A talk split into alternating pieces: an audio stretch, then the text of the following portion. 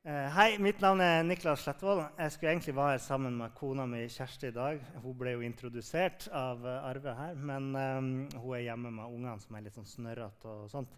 Og så fikk jeg beskjed om at uh, minstegutten han har spist uh, litt for mye fluortabletter, for han fikk tak i denne Flux-boksen. Så han kan få litt dårlig mage etter hvert. Så de kunne holde, holde, holde seg hjemme i dag. Men så hyggelig å få lov til å komme hit. Tusen takk for invitasjonen, Sean. Det er veldig fint. Jeg er jo pastor i um, ei lita menighet i ei lita bygd i en stor dal som heter Gudbrandsdalen. Og Der har vi det veldig fint, men vi syns det er veldig fint å komme hit til Heimdal. Eh, jeg kjenner jo Sean litt fra før og har jo vært her flere ganger. Eh, ikke her på scenen, da, men vært med i menigheten her. Og jeg eh, kjenner også Sanna og Joakim eh, veldig godt. Eh, så ja, jeg syns det er veldig fint å, å være i lag med dere. Og dere er så heldige som har Sean. Eh, han er jo en veldig bra kar, og det er mange folk som er veldig bra eh, folk. Men Sean han har et hjerte for Jesus, og jeg vet han har et hjerte for dere og for bygda eller for Heimdal.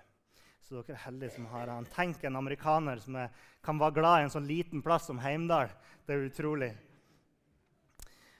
Um, og I dag så skal jeg få lov til å starte en ny prekenserie visstnok, som heter 'Paulus hans, sann, hans, liv og sannheter om Jesus'. Og Jeg skal snakke om um, Paulus i Korint først og fremst i dag. Men hvis du ikke kjenner Paulus og ikke så, liksom, vet så mye om han, så har jeg lyst til å begynne med noen basic ting som jeg tror er viktig å få med seg.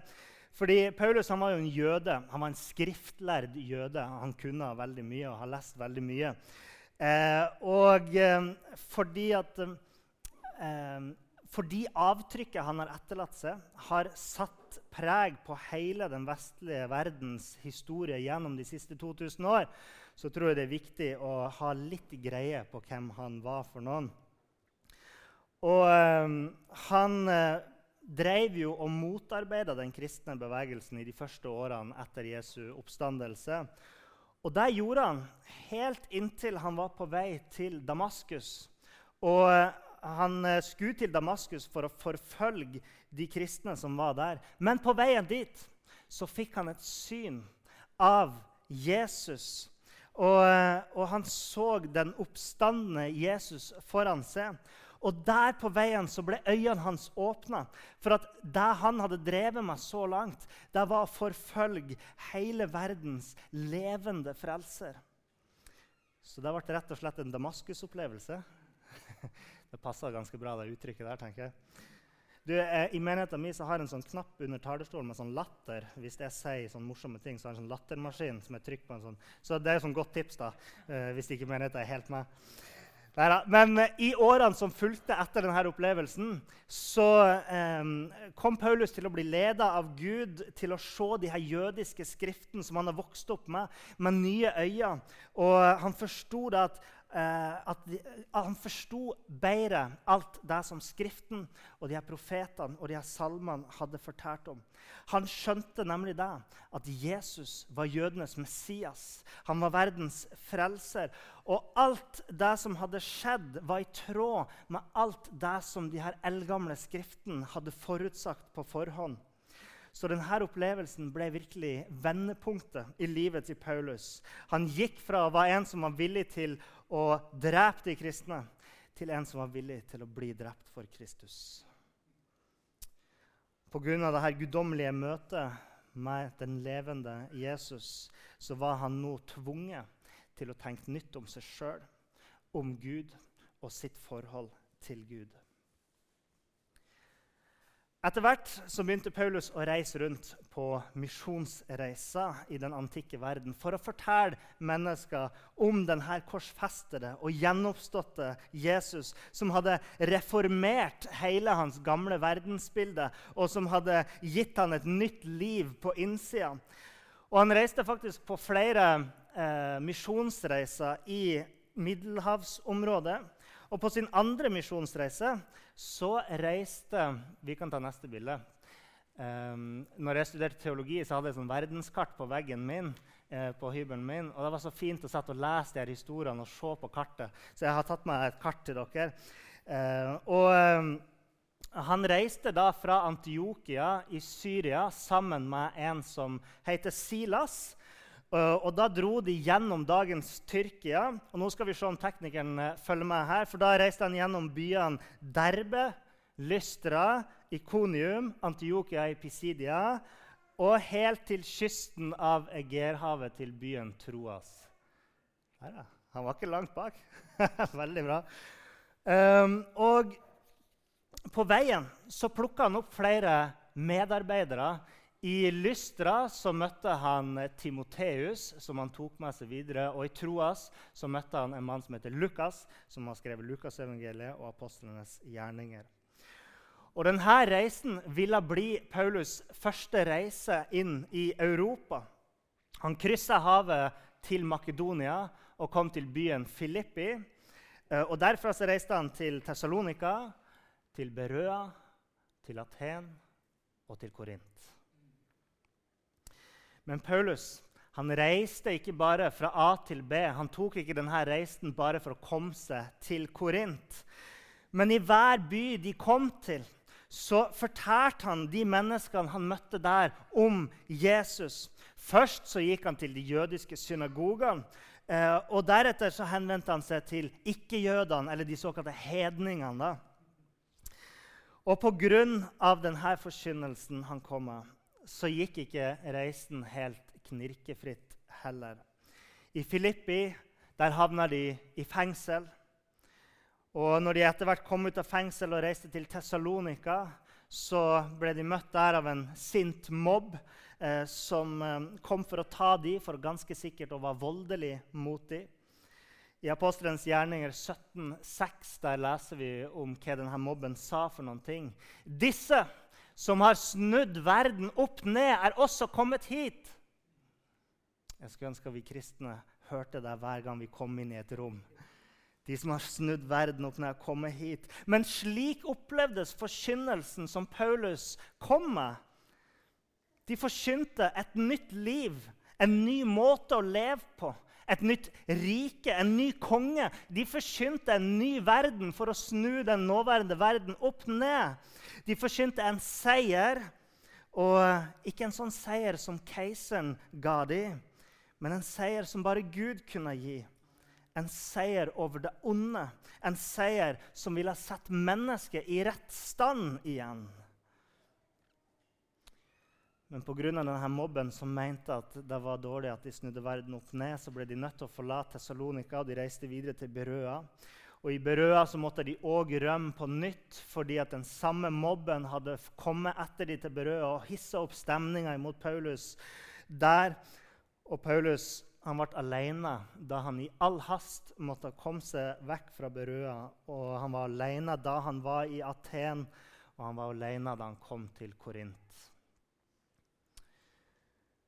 Nå har jo jeg gått veldig fort igjennom denne reisen, men sånn får det bli i dag. Men det var jo sånn at denne reisen kunne ta rundt et halvt års tid. Så mye har skjedd fra Antiokia til Korint. Og Da han kom til Korint, så skrev han på et senere tidspunkt til menigheten der i første Korinterbrev Jeg var hos dere i svakhet, i frykt og stor beven. Så Paulus hadde utvilsomt opplevd mye på denne reisen fra Antiokia til Korint. Eh, men, eh, og han hadde kjent på sin egen kropp hva det kosta å være en budbringer om Jesus. Men han hadde òg kjent på gleden av å se mennesker som tok imot det nye evangeliet som Jesus hadde kommet med.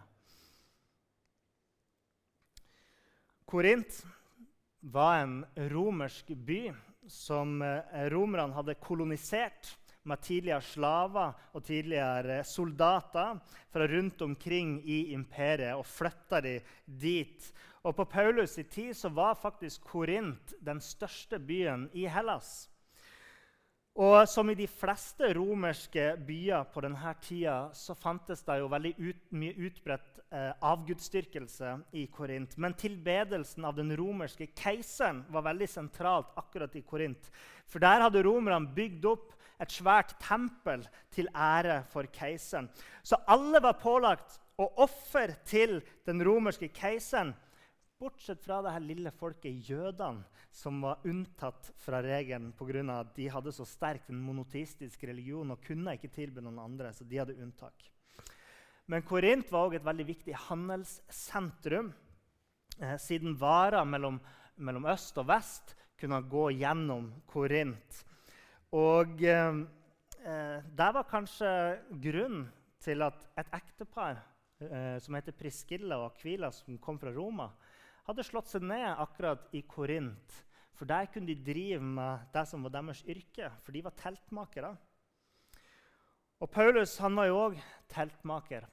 Så når han kom alene til Korint og fant det her jødiske ekteparet som hadde samme håndverk som seg sjøl, så kanskje det var grunn nok til at han slo seg ned sammen med de. For der jobba Paulus eh, sammen med de.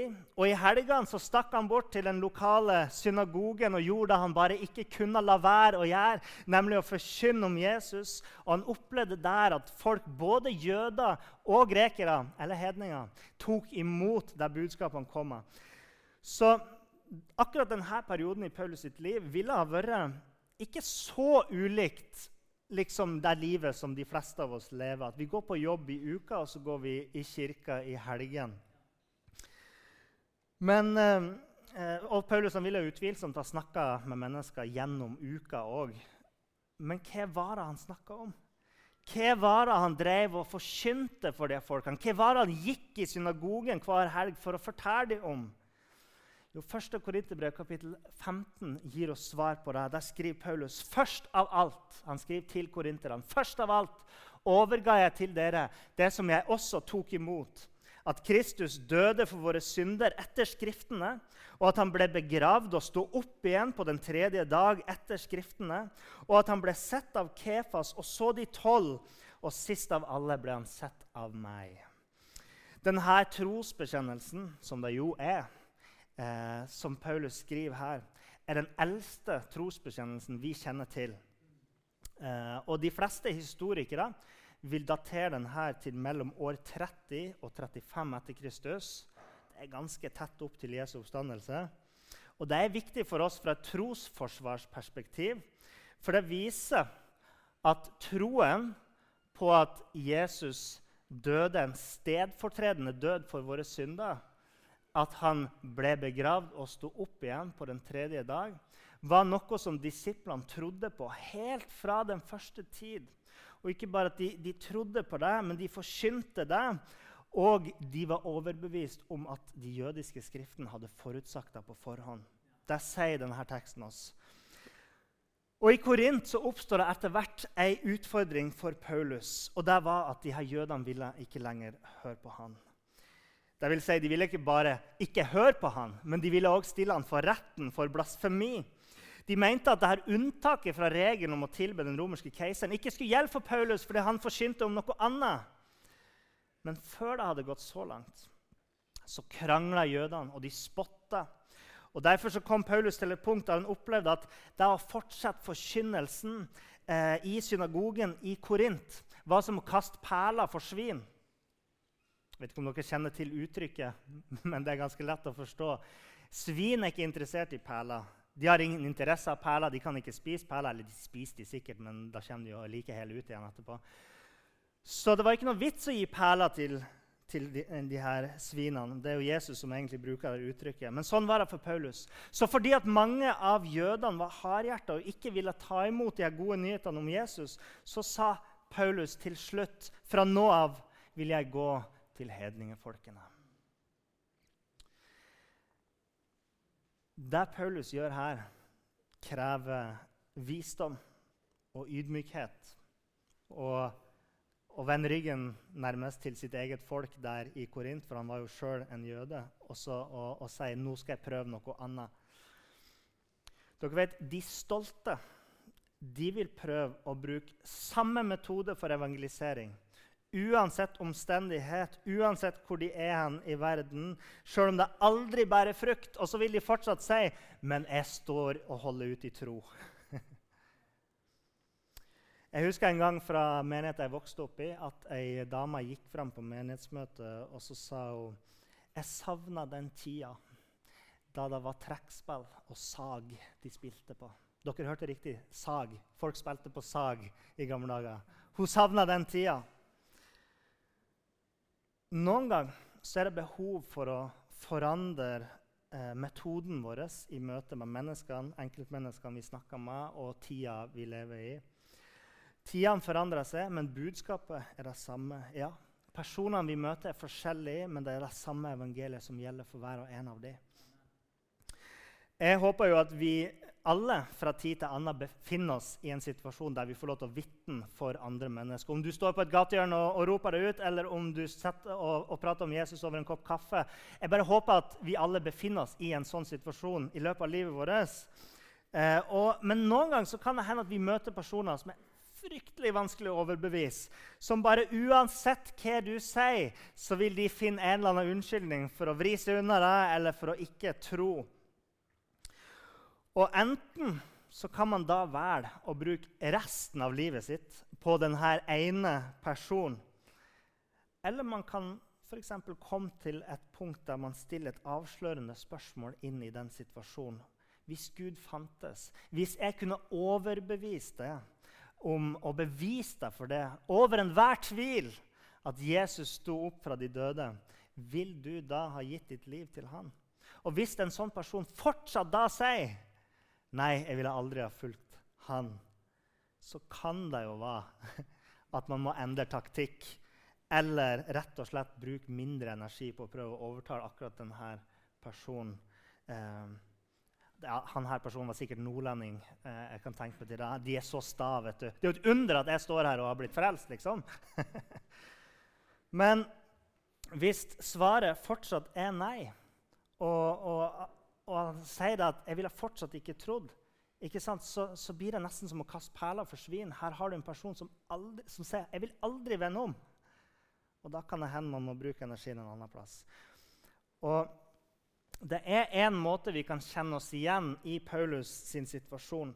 Fordi at vi òg befinner oss i en kultur Paulus var en fremmed kultur. Vi òg befinner oss i en kultur som i økende grad står i opposisjon til det budskapet vi forkynner.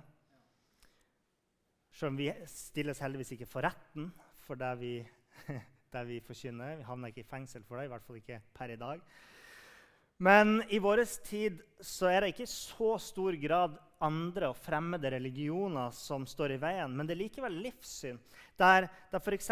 ser ut til at tvil er en større dyd enn tro. Ja, fordi hvis du kan betvile at du har rett tolkning av Bibelen, hvis du kan betvile dine erfaringer med Gud, hvis du kan betvile din forståelse av hvem Gud er, da er du på riktig vei. Jeg sier ikke at det er sånn, men kulturen sier at det er sånn. Tvil har blitt en sånn god ting. Wow, du er så flink til å tvile på det du står på. En konservativ kristen som liksom vakler i troa, så er det ja, kjempebra. Jeg tror ikke at det er bra. Men uansett uh, om vi står i en sånn kultur, så betyr ikke det at vi kan gi opp Heimdal eller gi opp Norge fordi vi ikke har sett en stor vekkelse her på noen år, eller fordi vi føler at det er krefter som reiser seg imot oss. Jeg har jo hørt at det har blitt sagt hvorfor skal vi bruke så mye penger på å bygge menighet her i Norge når vi kan bruke penger ute i misjonsmarkedet der folk faktisk blir frelst? Vel, hvis vi slutter å bruke penger på menighet her i Norge, så slutter jo vi å sende penger sørover, for da er det jo til slutt ingen kristne igjen. Og dessuten, hvem skal nå de unådde her hjemme? Vi er nødt til å holde på. For å ta et praktisk eksempel fra den menigheten som jeg kommer fra, så har jo vi holdt fast ved en ganske tradisjonell gudstjenesteform. sant?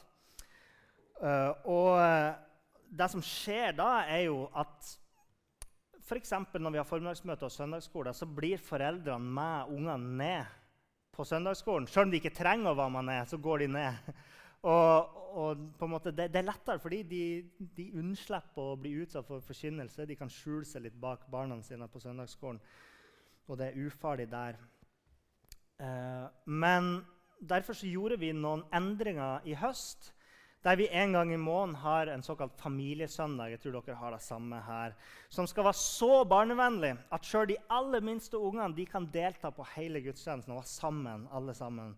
Uh, og så I stedet for at vi samla omkring 30 deltakere på gudstjenesten, så har vi plutselig hatt en økning, og vi er oppe i 50 på de her gudstjenestene. Og for ei lita menighet som også er det en stor, en stor oppgang. Og alt vi har gjort, er ei lita justering. Sant? Men på ingen måte jeg må bare understreke det, på ingen måte så betyr det Paulus gjør i Korint, at vi kan gi opp et folkeslag eller en by eller et land. Fordi Paulus han overlot ikke Korint til seg sjøl, men han endra sin tilnærmingsmåte. Fra nå av så ville han ikke lenger prioritere å gå i synagogen hver lørdag, men han ville like fullt fortsette å forkynne om Jesus. Fordi Paulus han bare gikk til huset på andre sida av veien og fortsatte å forkynne der. i stedet for å være i, synagogen. Og da løsna ting opp, og til og med forstanderen i synagogen ble frelst. Lita justering. Kanskje 20 meter med justering. Det var nok. Og En natt så sa Jesus eh, til Paulus i en drøm.: Vær ikke redd, men tal, og ti ikke, for jeg er med deg, og ingen skal angripe deg eller skade deg, for jeg har mye folk i denne byen. Vet dere, Sjøl når Paulus ikke lenger greide å se potensialet, så forsikra Jesus han om at det var fortsatt mange mennesker i Korint som ville ta imot troen på Jesus. Kan det være tilfellet her i Heimdal òg? Sjøl når vi ikke ser, så kan det være noen der ute. Jeg tror det. Og Det er derfor jeg, jeg gidder å komme hit. Hvis jeg hadde tenkt det fins ikke håp for Heimdal, hvorfor skal jeg komme hit? Men jeg tror jeg tror potensialet er stort. Men vi kan ikke gjemme oss, vi kan ikke stikke av, vi kan ikke slutte. Og vi kan ikke holde tett om denne livsforvandlende historien om Guds rike som har blitt planta i våre hjerter. Jeg håper dere kjenner det på samme måte som meg. Mange ble frelst i Korint, og jeg tror at mange kan bli frelst her i Heimdal. Vi må bare holde ut og ikke gi opp. Sjøl når vi føler oss motløse, så kan vi være sikre på at Jesus ser alle de som vi ikke ser.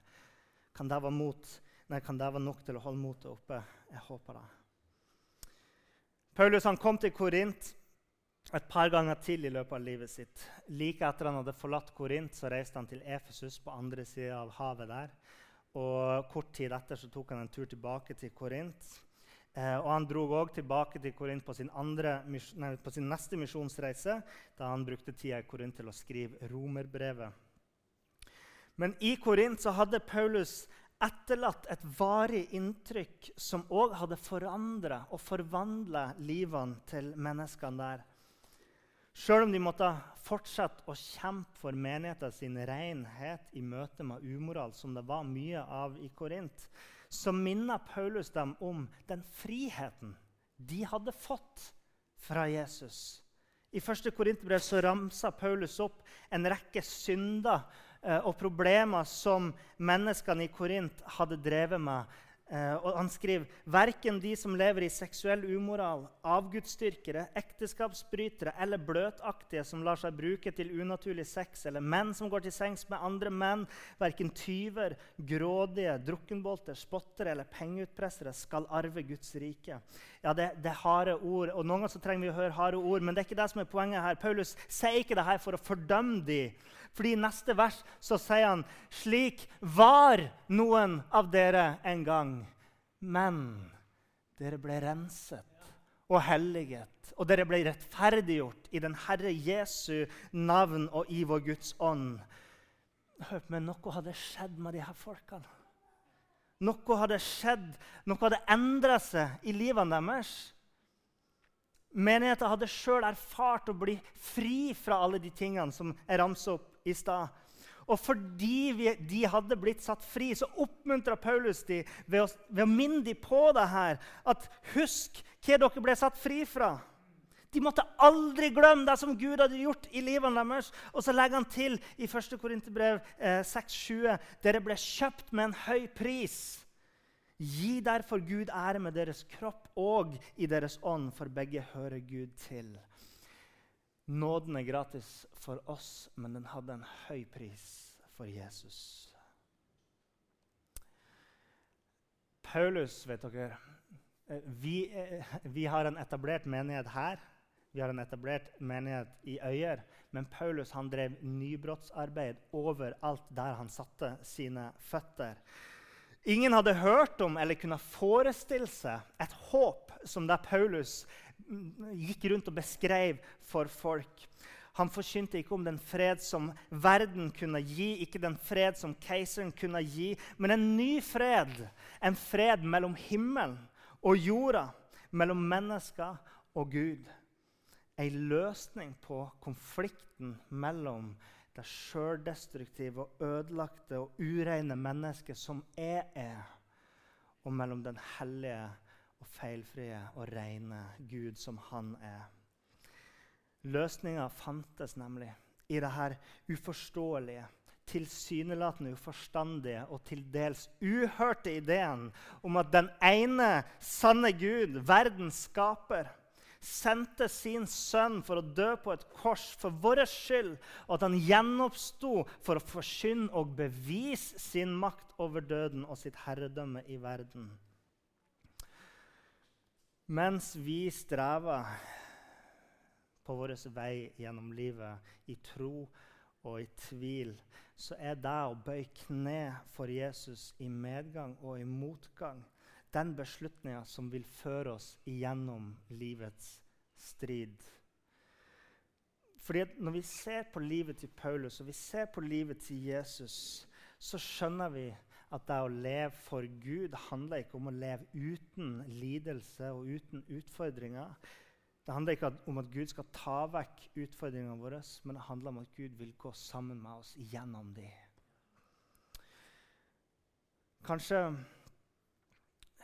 trengte du å høre dette budskapet i dag fordi du sliter med å endre måten du vitner til menneskene rundt deg. Eller kanskje du er en av de som ønsker å gå tilbake til trekkspill og sag.